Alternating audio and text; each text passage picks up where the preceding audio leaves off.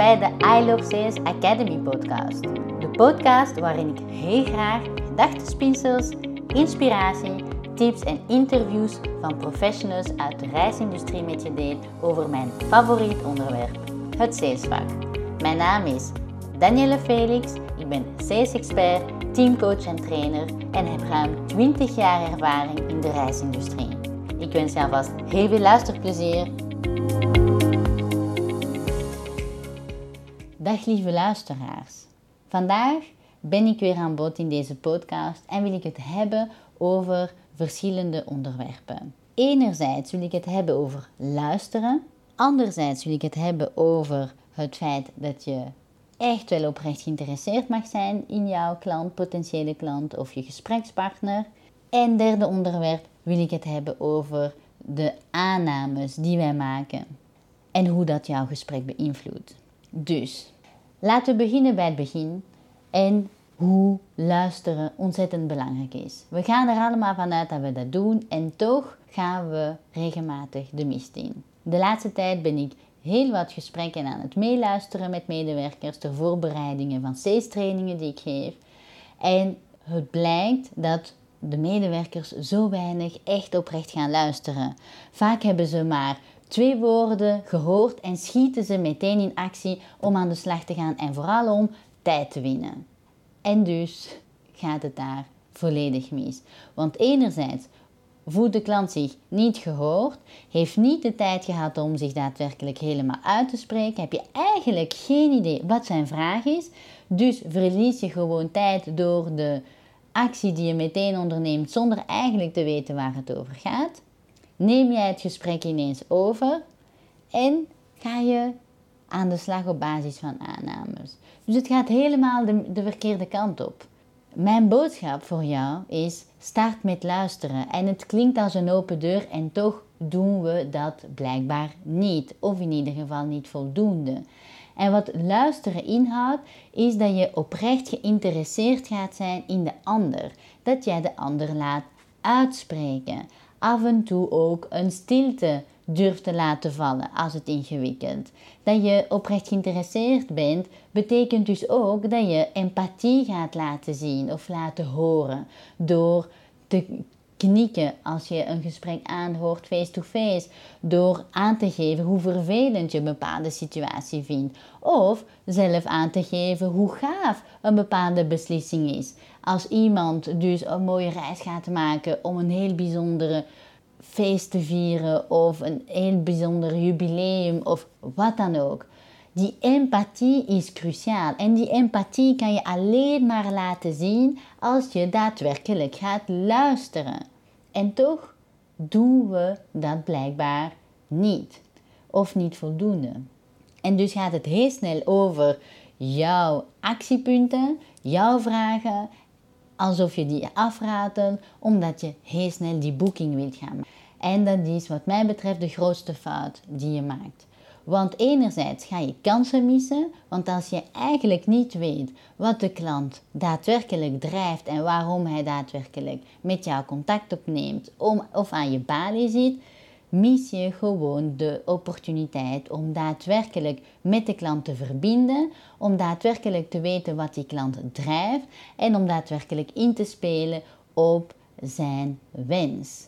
Want de wens die hij jou vertelt in die eerste zin is misschien niet de onderliggende wens die er daadwerkelijk is. En daarmee bedoel ik dat je veel meer te weten komt door door te vragen op het onderwerp waarvan de klant denkt, nou, dat vertel ik niet zo even maar, omdat het niet toedoet, ik wil gewoon een weekendje wegboeken.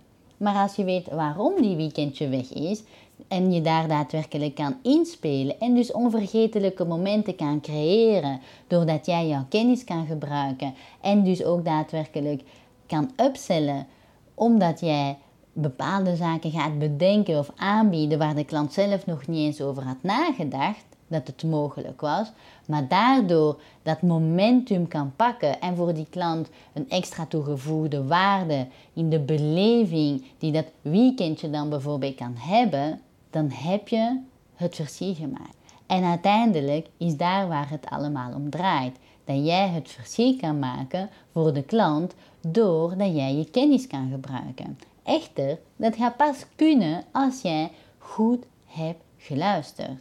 En als je dus oprecht geïnteresseerd bent geweest in de klant. En dus empathisch bent omgegaan met de inhoud van wat de klant jou heeft verteld. In plaats van snel, snel, snel die boeking willen pakken.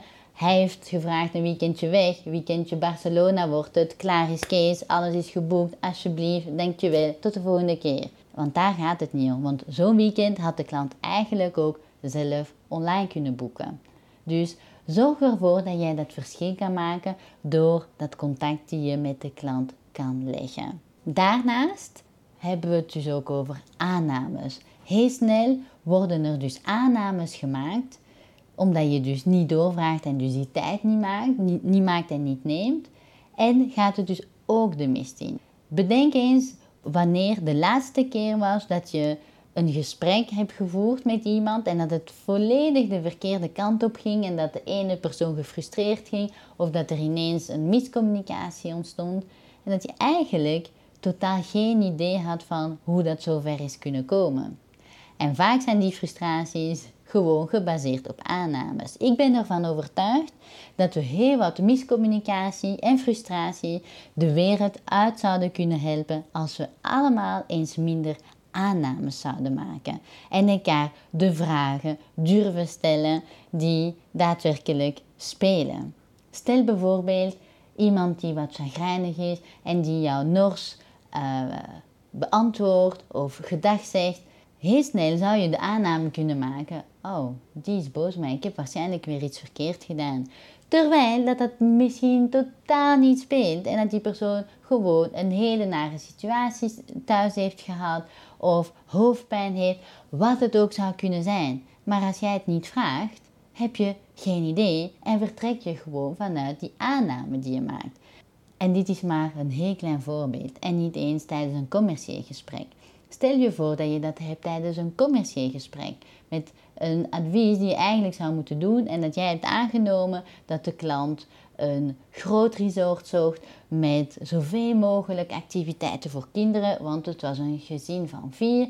En dat je dus echt een resort hebt gekozen met allerlei glijbanen en all-inclusive en alles wat je er maar bij kon denken, omdat jij ervan uitgaat dat een gezin met twee kinderen, ja, die willen gewoon dat de kinderen lol hebben en dat dat eigenlijk ideaal plaatje is.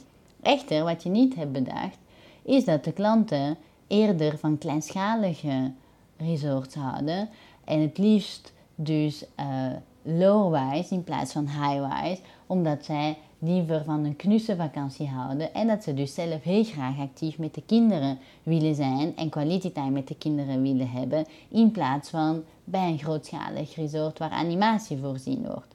En het betekent dan niet dat de aanbod die jij in eerste instantie voor ogen had aan zich slecht is, maar als er geen match is met de wens van de klant, heb je het gewoon mis. Of stuur je de klant bij een resort waar, wat niet bij zijn wensen past en die is alsnog ontevreden. Dus zorg ervoor dat jij goed doorvraagt en dus oprecht geïnteresseerd bent in die klant, zodat jij van die aannames weg kan blijven.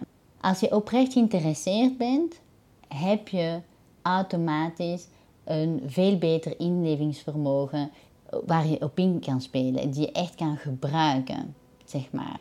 En die inlevingsvermogen is gewoon cruciaal.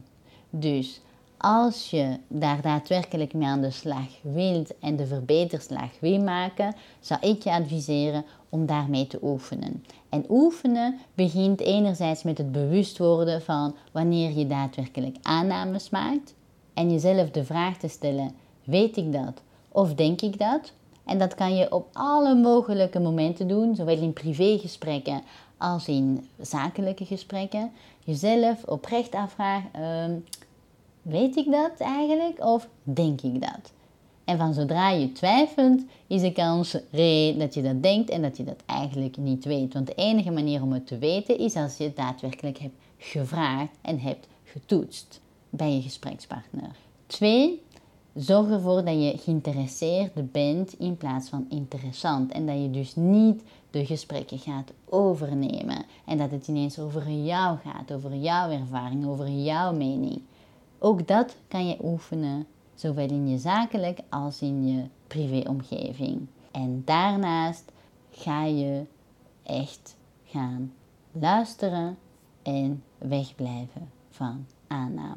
Als je daarmee aan de slag gaat en dus werkt aan die bewustwording, ga je echt die stappen kunnen maken om ervoor te zorgen dat je moeiteloos met je klanten aan de slag kan gaan.